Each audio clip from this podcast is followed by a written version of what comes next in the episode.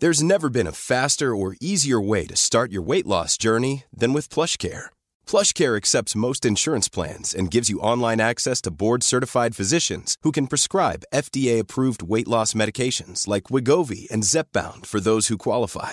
Take charge of your health and speak with a board-certified physician about a weight loss plan that's right for you. Get started today at plushcare.com slash weight loss. That's plushcare.com slash weight loss. plushcare.com slash weight loss. Ryan Reynolds here from Mint Mobile. With the price of just about everything going up during inflation, we thought we'd bring our prices down. So to help us, we brought in a reverse auctioneer, which is apparently a thing. Mint Mobile unlimited premium wireless. Ready to get 30, 30, bit to get 30, bit to get 20, 20, 20, bit to get 20, 20, bit to get 15, 15, 15, 15 just 15 bucks a month. So, Give it a try at mintmobile.com slash switch. $45 upfront for three months plus taxes and fees. Promo rate for new customers for limited time. Unlimited more than 40 gigabytes per month. Slows. Full terms at mintmobile.com. When you're ready to pop the question, the last thing you want to do is second guess the ring. At Bluenile.com, you can design a one of a kind ring with the ease and convenience of shopping online. Choose your diamond and setting. When you find the one, you'll get it delivered right to your door. Go to Bluenile.com and use promo code LISTEN to get $50 off your purchase of $500 or more. That's code LISTEN at Bluenile.com for $50 off your purchase. Bluenile.com code LISTEN.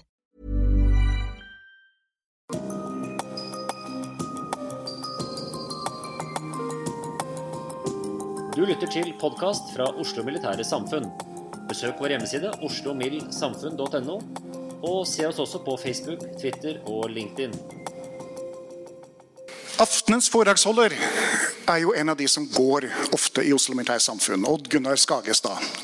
Mag-art. Over 40 års fartstid i norsk utenrikstjeneste. Herunder over syv års tjeneste. Syv års tjeneste fra Sovjetunionen og fra dagens Russland. Denne kombinasjonen av erfaring og akademisk ballast har han nå søkt å destillere i en bok som kommer ut i disse dager. 'Fra Lenin til Putin. 100 år som rystet verden'.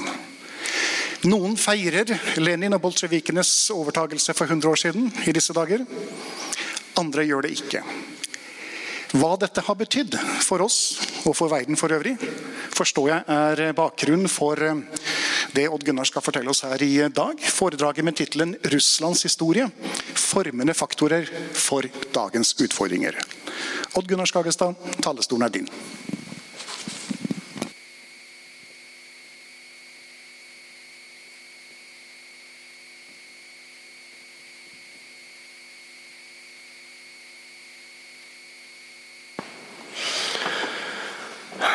Takk. Formann, kjære alle sammen. Som formannen fortalte, så er jeg blitt bedt om å holde et foredrag over tittelen 'Russlands historie formende faktorer for dagens utfordringer'. Det er et ganske bredt tema. Det kan behandles som et trekkspill. Man kan trekke det helt ut i hele bredden. Da vil man aldri få tid til å si noe særlig. Eller man kan fokusere smalt, og da blir det kanskje ikke så interessant sånn i en større sammenheng. Jeg skal prøve å finne en middelvei her. Og da starter jeg like godt med et sitat av den russiske diplomat og dikter Fjodor Tjutsjev. Han levde for 200 år siden og sa Russland kan ikke forstås. Russland må man bare tro på. Og Tjutsjev siteres til stadighet den dag i dag. Men for oss nordmenn så er Russland, i kraft av landets størrelse, geografiske naboskap og turbulente historie, noe som vi bare må forsøke å forstå. I Norges forhold til omverdenen er Russland en konstant variabel. En konstant, men med et skiftende, men alltid betydningsfullt innhold. Vi må derfor uopphørlig forsøke å forstå landets diplomatiske manøvreringer, dets militære kapasiteter, prioriteringer og hensikter, og ikke minst hvilke motiver, situasjonsbetingede eller langsiktige, som driver landets lederskap. For å forstå et land og dets nåtid må vi kjenne dets fortid, landets historie. Og for å forstå dagens Russland, forstå hva president Putin og hans regime står for, er det nødvendig å kjenne forhistorien. Og Da kan vi gå ganske langt tilbake i tid, men la meg først bare nevne at Russlands historie handler fremfor alt om makt. Den handler om hva makten gjør med menneskene, og hva mennesker gjør med makten. Russlands historie er også en fortelling om definisjonsmakt. Og det er makten til å bestemme hva som er riktig og hva som er galt, hva som er sant og hva som er usant. Og det er en makt som russiske ledere har benyttet seg av opp gjennom historien. Det er makten til å tolke fortiden og derigjennom styre samtiden og nåtiden. La oss gå 100 år tilbake i tid. Til Lenins statskupp den 7. november 1917 den såkalte oktoberrevolusjonen, eller den store oktoberrevolusjonen, som russerne kaller den. Her ser vi Lenins mausoleum på Den røde plass i Moskva. Mellom mausoleet og Kremlmuren ligger en rekke æresgraver. Her ligger også den amerikanske journalisten og kommunisten John Reed John Reed ble berømt for sine øyenvitneskildringer fra november 1917. Begivenhetene i det som da var Russlands hovedstad, en by som da ble kalt Petrograd. Eh, tidligere St. Petersburg, senere Leningrad, og nå igjen St. Petersburg. Og Reed ble berømt for disse øyenvitneskildringene, som senere ble utgitt i bokform. Ti dager som rystet verden. Og om vi skal oppsummere Russlands rolle i verdenshistorien siden den gang, så vil jeg si at det har vært 100 år som har rystet verden. Men Russlands historie begynte ikke med Lenins etablering av sovjetstaten. I november i fjor, altså for elleve måneder siden, avduket Putin med hele den russiske makteliten til stede en gigantisk statue, 17 meter høy statue i Moskva sentrum. En statue av fyrst Vladimir den store. Det var en brutal skikkelse som for over 1000 år siden hersket over Kiev og Novgorod. Og i år 988 lot seg døpe og innførte kristendommen til det som senere skulle bli Russland. Her har vi ham. Her har vi Kreml og Kremlmuren i bakgrunnen, og denne skikkelsen ruver med kristenkorset i hånden og skuer utover sitt rike. Vladimir den store, sa Putin, la det moralske fundamentet som våre liv er basert på. Og Putin var da sammen med kirken i ferd med å omskrive Russlands historie. For ingen vet for hvilken gang. Men her snakker vi om forhistorien. For middelalderens Russland var ikke en samlet statsdannelse. Det var en rekke større eller mindre østslaviske fyrstedømmer. Og disse hadde det til felles at de omkring år 1240 ble erobret, rasert og undertrykket av det mongolske og det senere tatariske imperiet. Og det var en situasjon som vedvarte i flere hundre år, og som satte et uh, uutslettelig preg på det som etter hvert skulle bli Russland. Det moderne Russland vokste gradvis frem på 1460-tallet, da storfyrst Ivan 3. av Moskva Vi kan kalle han Russlands Harald Hårfagre med utgangspunkt i Moskva begynte å utvide sitt rike og underlegge seg sine naboområder.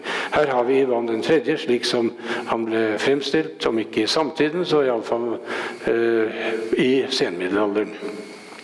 Ivan 3. var ikke bare en verdslig imperiebygger. Han la også grunnlaget for den historiske misjonen som Russland etter hvert har tiltatt seg på det åndelige, eller nærmere bestemt det religiøse plan. For da Ivan kom til makten, det var i 1462, hadde en historisk katastrofe nettopp rammet Europa og hele kristenheten. Det østromerske keiserriket, eller bysantinske keiserriket, hadde gått til grunne da de ottomanske tyrkerne erobret Konstantinopel i 1453. Og Ivan 3., som giftet seg med niesen av den siste østromerske keiseren, så seg selv som arvtaker til dette riket. Og han utropte Moskva til det tredje Roma og hele kristenhetens sentrum. Ivan 3. overtok også riksvåpenet fra keiseren i Konstantinopel, denne dobbeltørnen som fortsatt i dag er Russlands riksvåpen. Her ser vi det, den tohodede ørnen. Eh, og den religiøse misjon, den ser vi av våpenskjoldet i midten. Det er landets skytshelgen Sankt Georg. Det er også Moskvas byvåpen. Her ser vi altså Sankt Georg som dreper dragen. Og han er selve symbolet på det godes, det gode seier over det onde. Så da ble eh, grunnlaget lagt for den selvoppfattelse, det selvbildet Russland senere har hatt. Og det var et selvbilde som Russland også hadde under sovjetregimet. Da var det ikke religion det gjaldt, det var ideologi, men mye av drivkraften var den samme. Den historiske misjon om å utbre eh, det gode budskap eh, for resten av verden, som ikke hadde skjønt så mye av det, men det hadde russeren. Så eh, Dermed hadde Ivan 3. og hans etterkommere gitt seg selv og Russland en historisk misjon. og Etter hvert så skulle de rykke opp fra storfyrste til keiser, eller på russisk tsar, som er den russifiserte formen av Cæsar eller keiser. Ivan 3.s erobringskriger i øst, vest, nord og syd innvarslet en prosess som skulle vare helt frem til vår egen tid. En prosess med maktbruk for å underlegge seg stadig nye landområder og undertrykke stadig flere folkegrupper. Ivan 3., og særlig hans etterfølgere, etablerte det største sammenhengende imperium som verden har sett. Gjennom de neste 400 år, fra 1460-tallet, økte Russlands landområde med over 60 000 kvadratkilometer, dvs. Si tilsvarende Nederland og Belgia til sammen. Nota bene i gjennomsnitt per år gjennom en 400-årsperiode. Det sier litt om dimensjonene på den ekspansjonen som fulgte. Og Russlands posisjon i verden er basert på makt. Bruk av makt. Det gjaldt under Tsarriket, det gjaldt i sovjetperioden, og det er tilfellet med hensyn til dagens Russland. Spørsmålet om hvem som har makt, og hvordan makten brukes, gjennomsyrer russisk tenkemåte og samfunnsliv på alle nivåer og på alle sektorer. Og på det mellommenneskelige plan så vel som på det politiske plan. Og Jeg kan nevne et eksempel på hvordan dette har formet russisk tenkemåte i nyere tid. Eh, da jeg var Norges generalkonsul i Murmansk på 1990-tallet, for et par og tyve år siden, så hadde jeg en gang besøk fra Stortingets justiskomité. Ja, faktisk hele komiteen kom. Og ville jo gjerne treffe de lokale høvdinger der. Og det fikk de gjøre. Jeg arrangerte et møte med guvernøren. En røslig kar som var glad i å snakke store bokstaver. Og han tok styringen umiddelbart. Og hans budskap var kort og godt. Russland behøver og vil alltid behøve en tsar. Altså Stillingsbetegnelsen kan være det samme med, sa han. Eh, det kan være storfyrste eller imperator, generalsekretær eller president. Men det må uansett være en fører med stor F. En fører med makt. Med andre ord en tsar. Og det er nettopp i forhold til makt og maktbegrepet at russerne opp gjennom historien har målt og bedømt sine ledere. Slik så en fører med makt ut, så lenge det varte.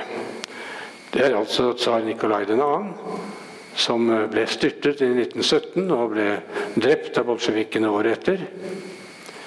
Tsar Nikolai 2. evnet ikke å bruke eller holde fast på den makten som han hadde arvet.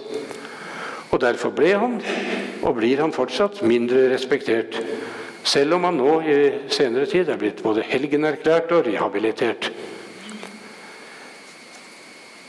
Nestemann som viser her Lenin evnet både å gripe og bruke makten. Hensynsløst og nådeløst. Og det avtvang enorm respekt og beundring. En respekt og beundring som fortsatte lenge, lenge etter at han døde. Denne propagandaplakaten her er fra 1967, altså over 50 år etter at han døde. Og det øverste høyre er et lite dikt, eller et uh, sitat av, fra dikteren Majakovskij. Lenin har levet, Lenin lever, og Lenin vil alltid leve. Og Det var denne type sitater som våre to små døtre lærte seg å deklamere da de gikk i sovjetisk barnehage for 40 år siden. Og Om ikke det er tilfellet lenger, så ser man iallfall Lenin overalt i dette kjempestore landet. I form av statuer, avbildninger, sitater, hva det måtte være. Nestemann, Stalin, tok opp arven etter Lenin og blir i dag beundret for sin evne og vilje til makt. Dette er et av hans, eh, de mange sitater som er tilskrevet eh, Stalin. Han viste iallfall i handling hva slags holdning han hadde til menneskeliv og til bruk av makt for å få gjennomført sitt program. En annen kar som vi kan, eh, som vi kan se på det neste her, Mikhail Gorbatsjov. Gorbatsjov ble beundret, og blir kanskje fortsatt beundret i Vesten, iallfall i Norge, pga. sin reformpolitikk og pga. sin humane fremtoning. Men Gorbatsjov var ingen tsar. I Russland blir han derfor dypt foraktet i dag. Som mannen som hadde makt, men som ikke var i stand til å bruke den da det gjaldt. Nestemann Jeltsin, som dukket opp på forsiden både av Newsweek og Time Magazine tilbake i 1991.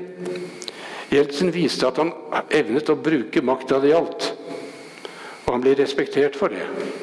Selv om han aldri maktet helt å hamle opp med et parlament som motsatte seg hans politiske veivalg. Det er ikke tilfellet for neste som vi skal se her. Eh, Vladimir Putin.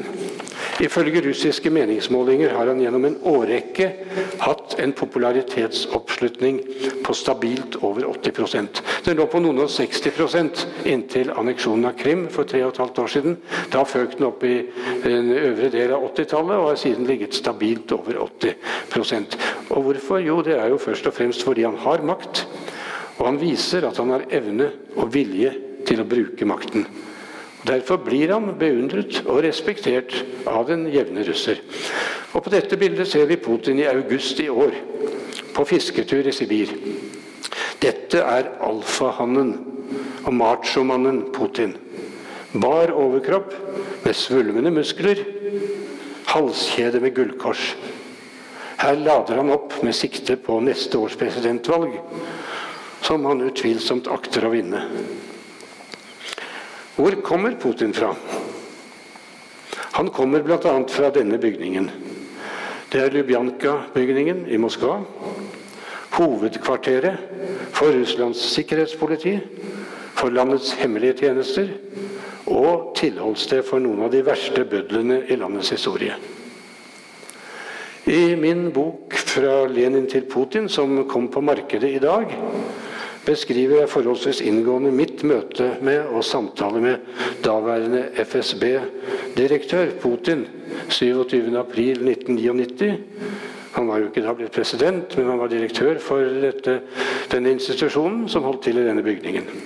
Og Jeg beskriver der ikke minst mine inntrykk av denne personen, som få måneder senere skulle innta plassen på toppen av dette landets kommandohøyder. Hvordan dette møtet forløp, det vil være en digresjon her i denne forsamling uh, i dette øyeblikk. Det er mer interessant å merke seg at 1990-tallet ble avvikets desennium og mulighetenes tids, tidsvindu i Russlands historie. Og det var et tiår da maktens bud ble utfordret som aldri før i Russlands historie. Med mulig unntak av sommeren 1917. Det var et tidsvindu som ble lukket nyttårsaften 1999. Da Jeltsin brått annonserte sin avgang, og Vladimir Putin overtok statsroret. Under Putin er Russland nå tilbake i noe som ligner landets tradisjonelle normalsituasjon. Som franskmennene sier Plus ça change, le plus c'est la même chose. Altså jo mer som forandres, desto mer forblir det samme. Vel, ikke helt. Derfor skal jeg si noen ord om putinismen. Et ord som uh, kanskje ikke er skikkelig innarbeidet i norsk ennå, men det brukes en del bl.a. av tidsskriftet The Economist. Uh, og derfor ser jeg like godt tenkte jeg skulle vise forsiden av tidsskriftet The Economist. November 2016. Uh, eh, altså for mindre enn et år siden. Det er 'Special Report on Russia' et, en spesialutgave som da handlet om Putin og putinismen. Eh, her ser han jo ganske avskrekkende ut med et blått ansikt. Og hvis man går innpå og ser på øynene, så er det noen røde kampfly. Eh, så der har vi mannen i et nøtteskall, slik som han fremstilles av dette autoritative tidsskriftet. Men hvis man spør hva er putinisme for noe, så er mitt korte svar at putinismen er Russlands nåværende statsideologi. Russlands statsideologi, eller statsdoktrine om man vil, i vårt århundre er sammensatt av ulike elementer som må forstås på bakgrunn av landets fortid, landets historie. Statsideologi fra 1917 til 2017. Sovjetunionen var en sosialistisk stat. Og det var en stat og denne statens legitimitet var basert på den marxistisk-leninistiske ideologi, som fremfor alt eh, omfattet visjonen om bygging av det klasseløse kommunistiske fremtidssamfunn. Det var en visjon som ble holdt i live mer eller mindre i ca. 70 år. Da eh, holdt det ikke lenger. Og da Sovjetunionen brøt sammen, så sto det nye Russland uten en klart definert statsideologi eller eh, statsdoktrine. Og dermed meldte spørsmålene seg. Hva var landets politiske systems innhold og berettigelse? Altså raison d'être, som franskmennene sier. Hvordan skulle det nye regimet begrunne sin legitimitet? Utenriks og hjemlig? Og hvilken politikk skulle det føre? Sosialt og økonomisk? Dette var de spørsmålene som Jeltsin kom til å slite med gjennom hele 90-tallet. Og selv om han hadde en del visjoner og begreper om hva han ønsket, så var det ikke nødvendigvis noen, en visjon som ble delt av alle. Og man hadde et parlament som besto av helt ulike grupper som hadde forskjellige ønskemål, og det var mye dragkamper omkring hva dette landet skulle stå for, hva, hva dets innhold skulle være. For mange så var svaret at man ville ha et Svaret var et fremtidsrettet ønske, rett og slett. Ønske om tilnærming til Vesten Og innføre en vestlig inspirert samfunnsmodell med menneskerettigheter, rettssikkerhet, ytringsfrihet, markedsøkonomi og demokrati. Dette var en ganske en tall order, for å si det på engelsk. Eh, dette var begreper eller tradisjoner som var nokså fremmede i Russland.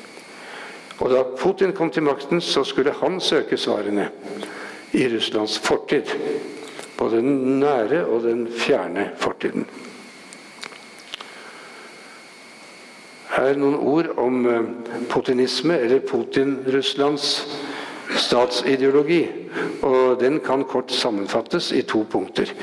Eh, henholdsvis på innenrikske plan og utenriks.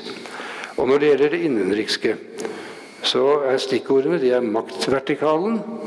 Altså en sterk, sentralisert stat med sterk ledelse.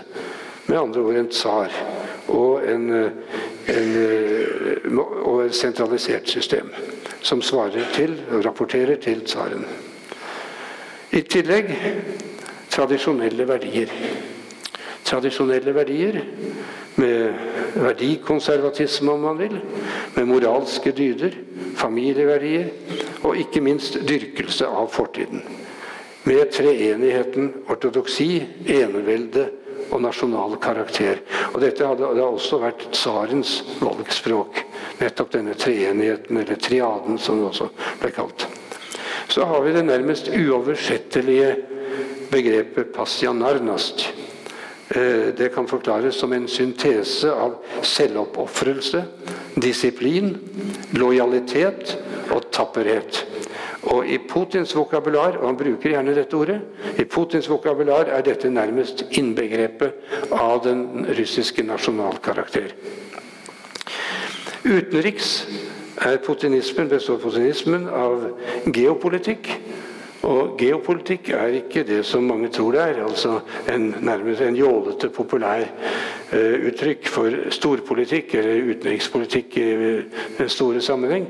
Men det er en, slik som russerne forstår det, og slik som den er i, i akademisk tradisjon, så er det en kvasivitenskap som betyr legitimering av maktbruk inklusive anneksjoner på andre staters bekostning. Det er altså en eh, eh, Noen kan kalle det kvasivitenskap, eller man kan si en ideologisk strømning. Det er eh, nært beslektet med Nazi-Tysklands Lebensraum-ideologi, faktisk.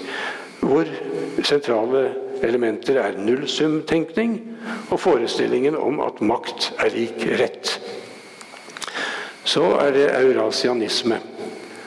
Og det er forestillingen om at landets fremtid ligger sammen med Asia, ikke sammen med den angivelig moralsk fordervede Vesten. Derfor også betoningen i Putins utenrikspolitikk av det han kaller strategiske partnerskap med Kina. Som bl.a. har kommet til uttrykk i disse gigantiske gassleveransekontraktene vi snakker altså om en statsideologi med rot i tradisjonell russisk forestillingsverden. Med elementer som kan ramses opp som følger. For det første maktens bud. For russere flest er makt lik rett, og at dette er tingenes naturlige tilstand. Jeg sier ikke at det gjelder alle. Langt ifra. Men det er 142 millioner russere, og for svært mange, antagelig store flertall, så aksepterer de dette. Det kommer til uttrykk i popularitetsoppslutningen om, om Putin. For det annet politikk, forretninger, mellommenneskelige relasjoner og diplomati for den saks skyld er et nullsumspill. Oppfattes som et nullsumspill. Det som den ene parten vinner, det vil den andre parten nødvendigvis tape. Den enes brød er den annens død. Og vinn-vinn-situasjon er en fremmed tanke. Så som eh, forhandler i forhandlinger med russerne, så er det ofte nokså forgjeves å fortelle at eh, hør her, vi, denne, dette forslaget vårt er jo i grunnen i begge parters interesse, så kan vi ikke bli enige om det. Og da er reaksjonen, om ikke høyrøstet, så iallfall så ligger det fornemmelse av at eh, dette tror de ikke på. Da må motparten ha et eller annet, eh, et eller annet ja, det som kalles ulterior motives. Noe oppunder ermet, eller kort som ikke de vil vise. Det er mistenksomheten som kommer gjennom der. Og det er ikke rart, fordi russerne er vant til å bli systematisk lurt og undertrykket, og iallfall av sine egne herskere. Og Lederne har på sin side alltid vært flinke til å legge skylden på omverdenen, som betraktes med mistro. Lover, rettsregler og domstoler har vi lett for å tenke oss at det er etablert for å ivareta borgernes rettigheter, både overfor hverandre og overfor staten. Det har aldri vært tilfellet i Russland. Her er lover, rettsregler og domstoler noe som har vært etablert for å legitimere myndighetenes vilkårlige overgrep mot innbyggerne. Derfor også i sterke legalistiske strømninger i Russland, hvor det alltid regnes som så spesielt viktig å ha en lovparagraf og ha en resonnement, argumentasjon, bygget på legale prinsipper, som da kan rettferdiggjøre så mangt. Denne aksepten av makt som erstatning for rett og mistroen overfor andre, så da særlig Vestens hensikter, inngår i en farlig kombinasjon med forestillingen om Russlands særstilling i forhold til omverdenen. Og i forhold til landets historiske misjon som kristenhetens åndelige ledestjerne. For i denne forestillingsverdenen står Russland for det gode, i motsetning til det onde prinsipp. Jf. symbolikken med Sankt Georg som dreper dragen, som vi så på et flak for en stund siden. Som går igjen i både Moskvas byvåpen og riksvåpen, og går igjen i mange andre sammenhenger. Og det er i dette perspektivet vi må forstå hvordan og hvorfor Putin bruker den russisk-ortodokse kirke for å legitimere sin makt. Mens Kirken tilsvarende benytter sin særstilling i forhold til staten for å befeste sin posisjon. På dette neste bildet her ser vi Putin sammen med den russisk-ortodokse kirkes overhode, patriark Kirill. To maktmennesker med konvergerende eller overlappende interesser, og derfor også et felles verdisyn. Putin går her inn i en lang russisk herskertradisjon. Fordi forestillingen om at makt er lik rett, det er jo ikke nok. Eh, man kan få folk til å akseptere det en stund, men i det lange løp så er det en forestilling som kan lyde hul, og eh, som ikke nødvendigvis aksepteres av opplyste mennesker. Så makten må legitimeres. Den må legitimeres eller forankres i et eller annet, helst i noen høyere prinsipper. Putin opererer med et glansbilde av sovjetperioden. Han har sagt at Sovjetunionens sammenbrudd var det 20. århundrets største geopolitiske katastrofe. Men Putin har også sagt at Lenins kupp i 1917 var en kriminell handling. Og han tror neppe på kommunistisk ideologi for å legitimere sin makt. Så i stedet har Putin søkt tilbake til røttene, til de lange linjene i russisk historie. Og når det gjelder betoningen av tradisjonelle verdier, så kommer den ortodokse kirke inn som en nasjonal identitetsmarkør. Forestillingen om det russiske folks historiske misjon, og særlig overlegne kvaliteter, bl.a. på det åndelige plan, at russerne står for edlere verdier enn det materialistiske og moralsk fordervede Vesten, det er tanker som har appell og gir gjenklang hos Putins hjemmepublikum. La oss ta en liten digresjon for å illustrere den ortodokse kirkens symbolbetydning. Både som bærer av og som gjenreiser av den nasjonale kontinuitet. Etter det avbrekket som skjedde under sovjetperioden. Her ser vi Kristus Frelseren-katedralen i Moskva. Den ble bygget fra 1839 til 1883 og ble sprengt og jevnet med jorden på Stalins ordre i 1931. Den skulle erstattes med en ny bygning, Sovjetenes palass, på 415 meter i høyden. Det skulle da være verdens høyeste bygning den gang. Og i tillegg, på toppen, en 70 meter høy statue av Lenin. Det skjedde altså ikke. Det skjedde ikke pga. dårlige grunnforhold. Og i stedet ble det anlagt et enormt friluftsbad omkring 1960. Så kom Sovjetunionens sammenbrudd og fall. Og under Jeltsin-epoken, fra 1995 til 1999, ble denne katedralen gjenreist som en tro kopi ned til hver minste detalj av den opprinnelige som hadde stått der. Det er nå verdens høyeste russisk-ortodokse katedral. 103 meter opp til toppen. Og Det er da Moskvas hovedkatedral. Og det er hit Putin kommer. For å be i all offentlighet, og dermed markere sin samhørighet med Kirken og de verdiene den står for. Putins utenrikspolitiske prosjekt er å gjenreise det russiske imperiet som en maktfaktor i verdenspolitikken, særlig innenfor tradisjonelle russiske interesseområder, som det kalles slik det var under Sovjetimperiet, og slik det var under Tsarriket. Og Putins politiske forbilde som enehersker og som imperiebygger vil jeg spesielt trekke frem Katarina den store, eller Jekaterina den annen, som hun heter. Keiserinnen som på 1700-tallet erobret Ukraina, inkludert Krim, fra tyrkerne Hun slukte mesteparten av Polen, og hun satte Russland på verdenskartet som en stormakt av første rang. Et håndgripelig eksempel på den samlede, samlende symbolikken som arven fra Katarina 2. Eh, innebærer, så vil jeg nevne den lille silkesløyfen med sorte og oransje striper. Dere kan se den her. Sånn ser den ut. Eh, den, dette er båndet fra Sankt Georg-ordenen som Katarina 2. innstiftet. Og det er et bånd som i den offisielle propagandaen binder alle russere, både innenfor og utenfor Russlands grenser, sammen i et patriotisk fellesskap. Og dette er noe som tas svært alvorlig. Det er ikke noe spøk. One size fits all seemed like a good idea for clothes. Nice dress. Uh, it's a it's a t-shirt. Until you tried it on. Same goes for your healthcare.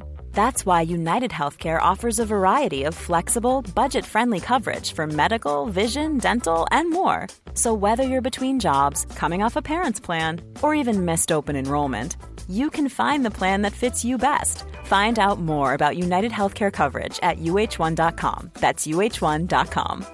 Many of us have those stubborn pounds that seem impossible to lose, no matter how good we eat or how hard we work out. My solution is PlushCare.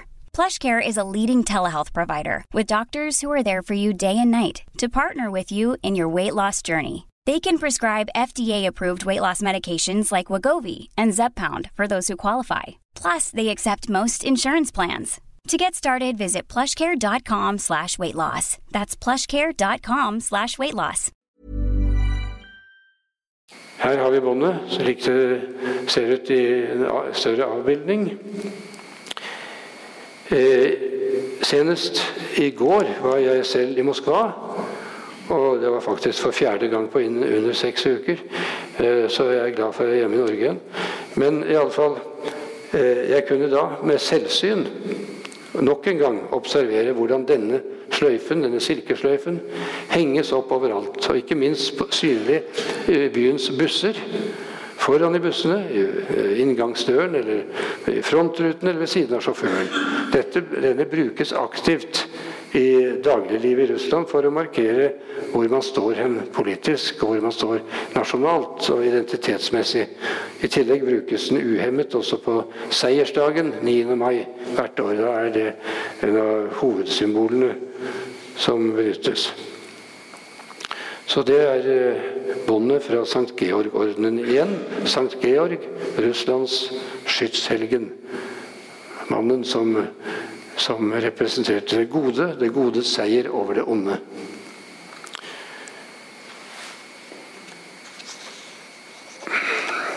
Ja. Eh, Putin har um, I tillegg til at han, han har um, Jeg kan nevne tilbake til dagens Russland. For uh, Russland har alltid vært et korrupt samfunn hvor menneskerettigheter og ytringsfrihet står svakt. Og Det er tilfellet under Putin også. Eh, en rekke kjente internasjonale menneskerettighetsorganisasjoner og humanitære organisasjoner har blitt tvunget til å stenge. Amnesty f.eks. i november i fjor. Bellona, som jo er av norsk opprinnelse, har vært, uh, har vært stengt. Hvordan det er for øyeblikket, vet jeg ikke. Men Putin er fortsatt populær. Populær fordi han er føreren, og fordi han bruker makten besluttsomt. Men han har også vært heldig. Russisk økonomi nøt i mange år godt av høye eksportinntekter. Og spesielt i de elleve årene 1998 til 2008, med ekstremt høye råvarepriser, rant pengene inn. Det medførte øket levestandard for folk flest, og det er folk takknemlige for. Og det er en takknemlighet som kommer føreren til gode. Baksiden av dette bildet det var riktignok en enormt omfattende sløsing. For i stedet for å benytte de gode årene til å modernisere staten og dens økonomi, så skjedde det en kraftig økning i statsutgiftene.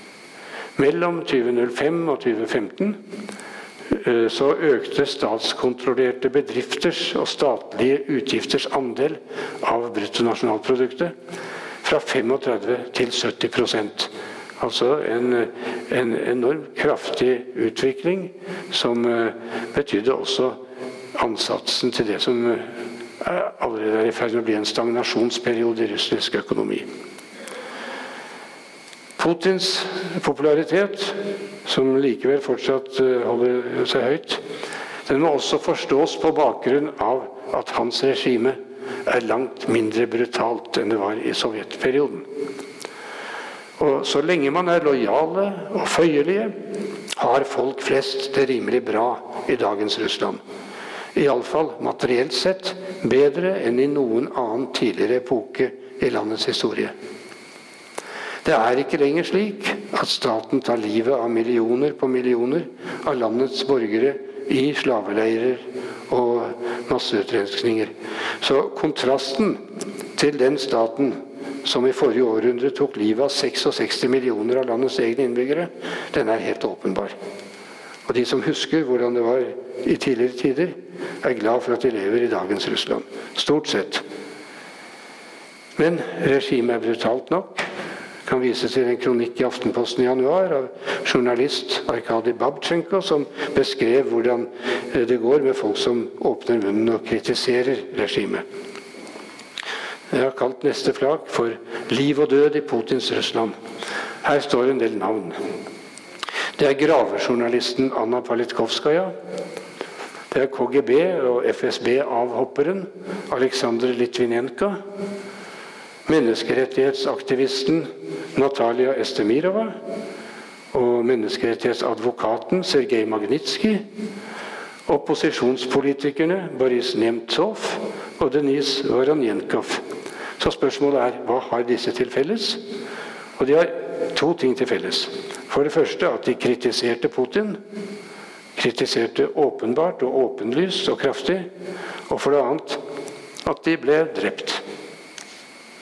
Det behøver ikke være noen direkte sammenheng, men det er nærliggende å gjøre seg sine tanker.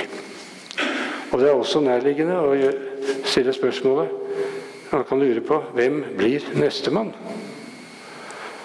Her har vi de samme navnene og en person med spørsmålstegn nederst. Noen tipper at nestemann vil bli korrupsjonsbekjemperen og organisatoren av protestdemonstrasjoner. En mann som er Putins argeste kritiker. Han heter Aleksej Navalnyj. Han er fremdeles i live. Men han blir til stadighet trakassert, banket opp og fengslet. Senest i forrige uke fikk han 20 eh, dager i fengsel igjen. Det skjer uavlatelig med, eh, med begrunnelse at han har oppmuntret til, eller eh, støttet eller tatt til orde for såkalte ulovlige demonstrasjoner. Til tross for at demonstrasjoner, spontane demonstrasjoner ikke er ulovlig etter dagens lov i Russland. Men eh, makten ter seg der hun er, som det het i gamle dager. Samtidig som Putin slår ned på hjemlige motstandere, har han styrket sin stilling, fortsatt på hjemmebane, ved å føre en aggressiv utenrikspolitikk. Og På samme måte som under sovjetstyret har Putin-regimet skapt et fiendebilde av Vesten. Dette ved å piske opp stemningen gjennom løgnpropaganda. F.eks. myten som ofte gjentas, også her i Vesten, også her i Norge. Myten om at Vesten utnyttet Russlands svakhet på 1990-tallet og brøt avtaler som ble inngått etter Sovjetunionens fall. Dette hører man til stadighet, uten at eh, vedkommende som gjentar slike myter, er i stand til å dokumentere akkurat hvilke avtaler som ble brutt. Men eh, særlig ille er Putin-regimets praksis med militære angrep mot naboland og anneksjoner av nabolands territorier. Og Putins bruk av militære maktmidler for å tvinge andre i kne startet, eller begynte med Tsjetsjenia i 1999.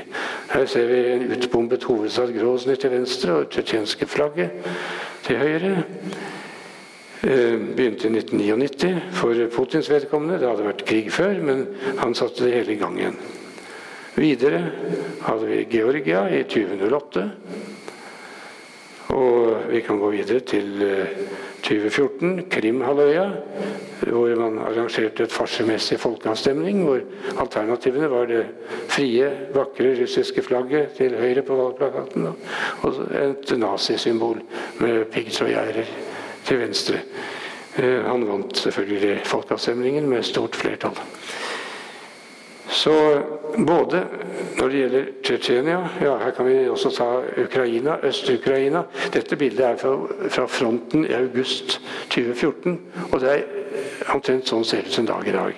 Det er stillingskrig som har medført over 10 000 drepte hittil. Og 1,7 millioner som har måttet eh, flykte fra sine hjem. Og det ser ikke ut som det er noen løsning i sikte. Det er altså en low, low, intensity war, som man også kan kalle det, men den er, er drepende nok for dem som rammes. Eh, og både med hensyn til Tsjetsjenia, Georgia, Krim og den krigen som nå foregår i Øst-Ukraina, har Putin lykkes i å vinne propagandakrigen og vinne definisjonsmakten. Makten til å bestemme hva som er sant og hva som er usant. Og ikke bare på hjemmebane, men langt på vei også på vestlig kommentatorhold og i vestlig opinion. Og dere kjenner kanskje uttrykket som man stundom hører, at eh, vi må jo forstå Russlands legitime interesser. Eller enda verre, vi må forstå Russlands legitime geopolitiske interesser, hører man av og til. Ja, Jeg skal ikke kommentere det nærmere, men bare gå videre og se på det neste flaket, som, hvor vi ser Russlands foreløpig eneste hangarskip.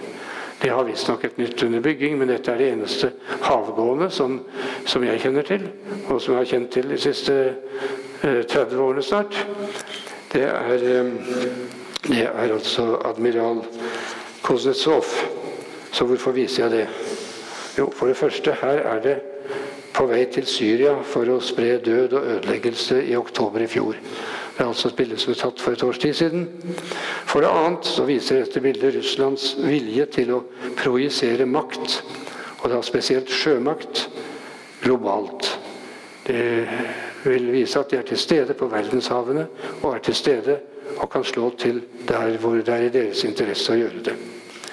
Og For det tredje så viser bildet samtidig hvor ynkelig Russland er utstyrt når det gjelder slikt materiell. Dekket på dette hangarskipet er formet som et spretthopp. Om bord finner man kampfly av typen Sukhoi 33, eller Flanker D, som det vel heter på Nato-språket, og MiG 29K. Og disse flyene kan ikke ta av fra dette dekket med full bombelast, for da faller de i sjøen. Til sammenligning kan vi nevne at USA har ti atomdrevne hangarskip av Nimitz-klassen, som er noe ganske annet og mer avansert enn dette vi ser her. Men de sender dette ut på verdenshavene for å vise at de har muskler. Og ikke minst, Russland utøver et aktivt, fremoverlent og effektivt diplomati. På dette punktet har Putin lært av sine sovjetiske forgjengere. Det var Lenin som innførte uttrykket 'nyttige idioter' om folk i Vesten som ikke var kommunister eller delte Lenins ideologi, men som villig vekk slukte hans løgnpropaganda og formidlet den videre. Neste flak, som viser presidentene Putin og Trump, har jeg kalt 'Good Vibrations', med et stort spørsmålstegn etter. Ingen av disse to er idioter det være seg nyttige eller unyttige. Men la oss ta ad notam at Russlands politiske påvirkningsindustri har et format og et perspektiv som omfatter alle nivåer i Vestens beslutningssystemer. Jf. fjorårets hackingskandale mot USAs presidentvalg. Vi har her å gjøre med ett av flere sentrale elementer i den såkalte hybridkrigen. Et uttrykk som jeg ikke liker noe særlig, for det gir feil assosiasjoner, men det brukes en del. Såkalt hybridkrig, hvor det er satt inn en hel armé av propagandister, av desinformanter, hackere, nettroll osv. Og, og spesialiteten deres er falske nyheter. Gjerne iblandet fakta og halvsannheter og som det fremgår av statusrapportene fra PST og Etterretningstjenesten, som kom i begynnelsen av februar i år, så er denne virksomheten også en av de viktigste truslene mot vårt eget land. Og Denne virksomheten er grundig dokumentert, men vi kan gå videre til å se bildet av eh, hovedkvarteret for Putins hær av profesjonelle nettroll. Det er Putins trollfabrikk. Adresse Olitsa Savusjkina nummer 55 i St. Petersburg. Jeg er ikke sikker på om de fortsatt holder til her, for det bildet sto i Dagbladet for over to år siden. Og denne, etterskiltet som henger på veggen, på utsiden, så står det at bygningen er til leie. Så det er mulig at de har fraflyttet denne bygningen og har etablert seg et annet sted. Men uh, det er iallfall et eksempel på eh, hvordan på et bygning som i sin tid ble identifisert som hovedkvarteret for denne virksomheten. Trollfabrikken. Historien gjentar seg. Eks-KGB-mannen Putin har i løpet av de siste vel 17 årene vist at han sier hva han mener, og han gjør som han sier. Men han har også lært seg den gamle russiske leksen at rå maktbruk i kombinasjon med systematisk løgn lønner seg. Derfor er dagens Russland muligens, og jeg understreker muligens, en mer uberegnelig og farligere aktør på den internasjonale arenaen enn hva Sovjetunionen var i den kalde krigens og terrorbalansens dager. Dette så meget mer som Russland samtidig gjennomfører en storstilet militær opprustning. Og da spesielt i Arktis, hvor, eh, ja, hvor, det som russerne kaller Arktis, eller som nordmennene har en tendens til å kalle nordområdene, eh, det er utpekt til det viktigste strategiske satsingsområdet. Men jeg minner også om den nylig avholdte kjempemessige øvelsen Zapad 17 mot Østersjøområdet. Så der ser vi stadige eksempler på en økende aktivitet av Eh, militær opptrapping. Ikke nødvendigvis opptrapping av militære aksjoner, men av militær kapasitet og øvelseskapasitet, ikke minst. I tillegg så vet vi at Russland har et digert arsenal med atomvåpen. Og det gjør jo Russland til en formidabel militærmakt. Som, og det er noe som i seg selv innebærer en trussel mot omverdenen. Vi vet at Russland er verdens overlegent største land i utstrekning. 17 millioner kvadratkilometer. Over hele ni tidssoner. Tidligere elleve tidssoner, men det er visst forenklet. Men bortsett fra på det militære området, så er landet kun en annenrangs stormakt. Det kan vi se av følgende tabeller over folketall. Millioner innbyggere. Russland er på niendeplassen. Og bruttonasjonalprodukt målt i 1000 millioner US dollar, så det er tall fra internasjonale pengefond, hvor Russland er nede på 11.-plass. Eh, altså, det er jo ikke noe lite land, men eh, det har ikke eh, den tyngden økonomisk sett og befolkningsmessig som gjør at de umiddelbart kan anses som en supermakt. Det som gjør at de kan opptre som en supermakt i visse sammenhenger, er naturligvis eh, kjernefysiske våpenarsenalet. Etter de økonomiske oppgangsårene 1998 til 2008 har Russland opplevd enkelte tilbakeslag. Vi har sett vestlige sanksjoner, som har betydd en del. Sammen med synkende oljepriser, som har betydd atskillig mer. Og som har fått Russland siden 2014 til å svi økonomisk. Men russerne har alltid vært, vært, vært vant til å få svi, og de sluker gjerne budskapet om at all elendigheten er Vestens feil. Og at de selv og deres regime er eksponenten for de gode gjerninger. Internasjonalt ønsker Russland under Putin å fremstå som en makt som står i en særstilling. En makt som krever, og som fortjener, særlig respekt. Pga. sin størrelse og sin materielle og moralske overlegenhet materielle, inklusive militære overlegenhet, og ikke minst sin moralske overlegenhet. Landet utviser som nevnt stor aktivitet på den internasjonale diplomatiske arena. Og Der er Putins utenrikspolitiske prosjekt å bli anerkjent som en respektert medlem av det gode selskap. Og Da ser vi til stadighet bilder av denne typen, hvor han står sammen med Kinas president Xi Jinping, eller som her, sammen med USAs tidligere president Barack Obama, eller et nyere bilde eh, Putin sammen med Donald Trump. Og dermed kommer spørsmålet Hvor står Putin og Russland i dag? Eh, en av de beste illustrasjonene som kan svare på det spørsmålet, var en karikaturtegning i Aftenposten 7.1 i år. Tegner Inge Grødem. Her har vi triumfatoren. Her er Putin i en positur som er inspirert av Chaplin-filmen 'Diktatoren'. Han er på sitt kontor, hvor han leker seg med en ball som illustrerer jordkloden, og den er forsynt med EU-emblem. Og vi ser så vidt Donald Trump som titter misunnelig frem fra bak gardinene. Budskapet er tydelig. Her ser vi triumfatoren Putin. I en stort oppslått artikkel i avisen Rasiskaja Gazeta, altså en Moskva-avis, 15.1 i år, presenterte Sergej Karaganov, som er en av Putins mest innflytelsesrike utenrikspolitiske premissleverandører. Han presenterte en analyse av Russlands og dets regimes umåtelige vellykkethet. Dette var en artikkel som oppsummerte hendelsene i senere år, og spesielt i 2016, hvor alt lyktes for dette landet og dets regime. Og Her kunne vi lese en panegyrisk hyldest, ikke nødvendigvis bare til personen Putin.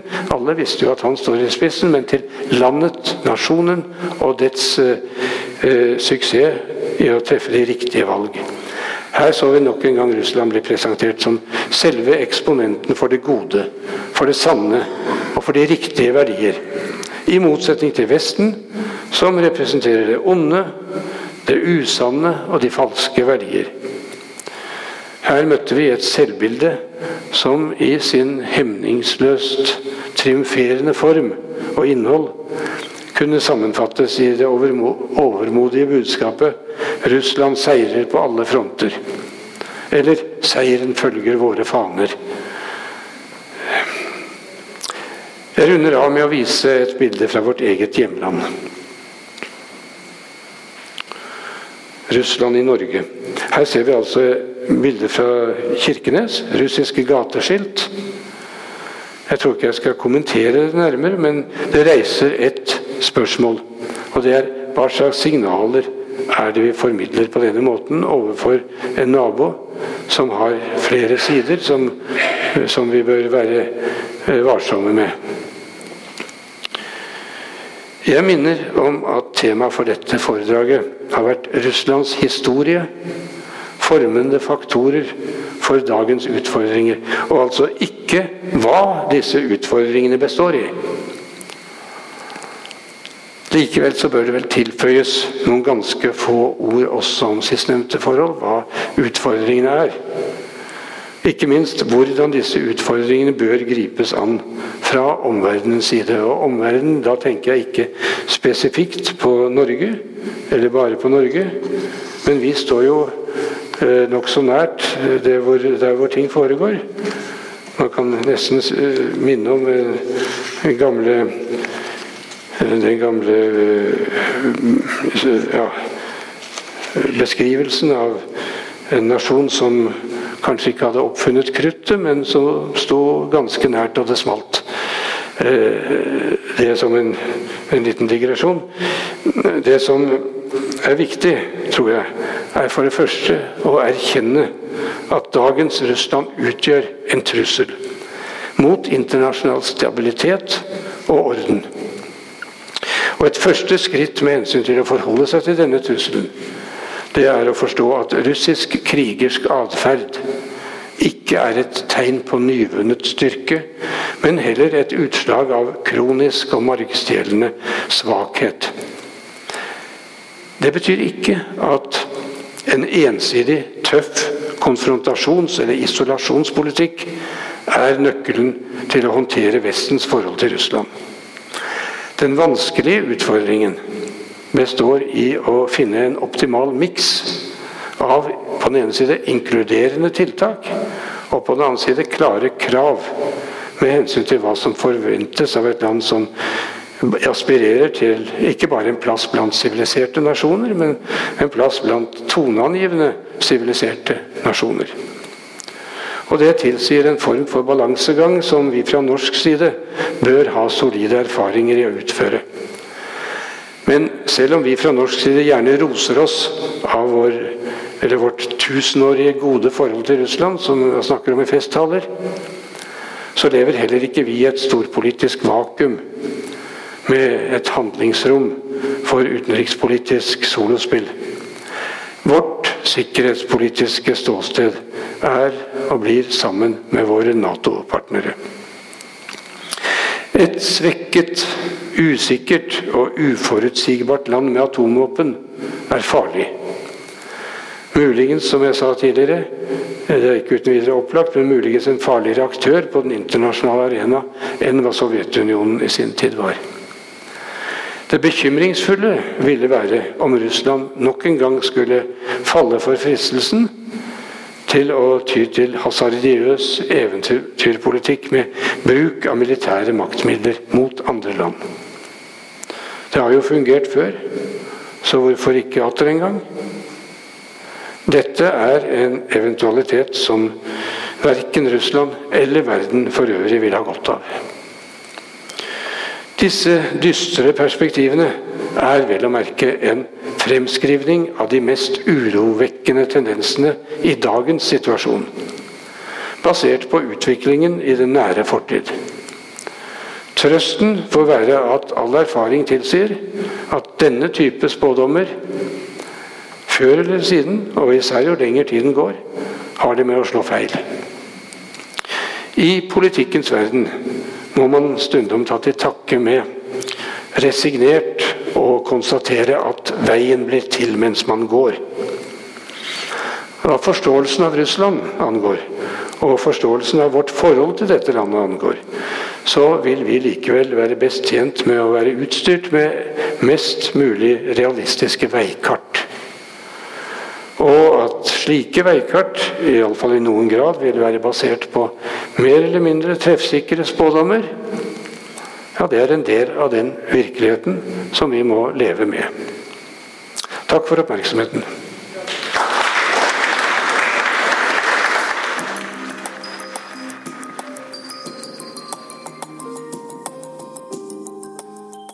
Du har hørt podkast fra Oslo Militære Samfunn. Besøk vår hjemmeside oslomildsamfunn.no, og besøk oss gjerne på sosiale medier som Facebook, Twitter og LinkedIn.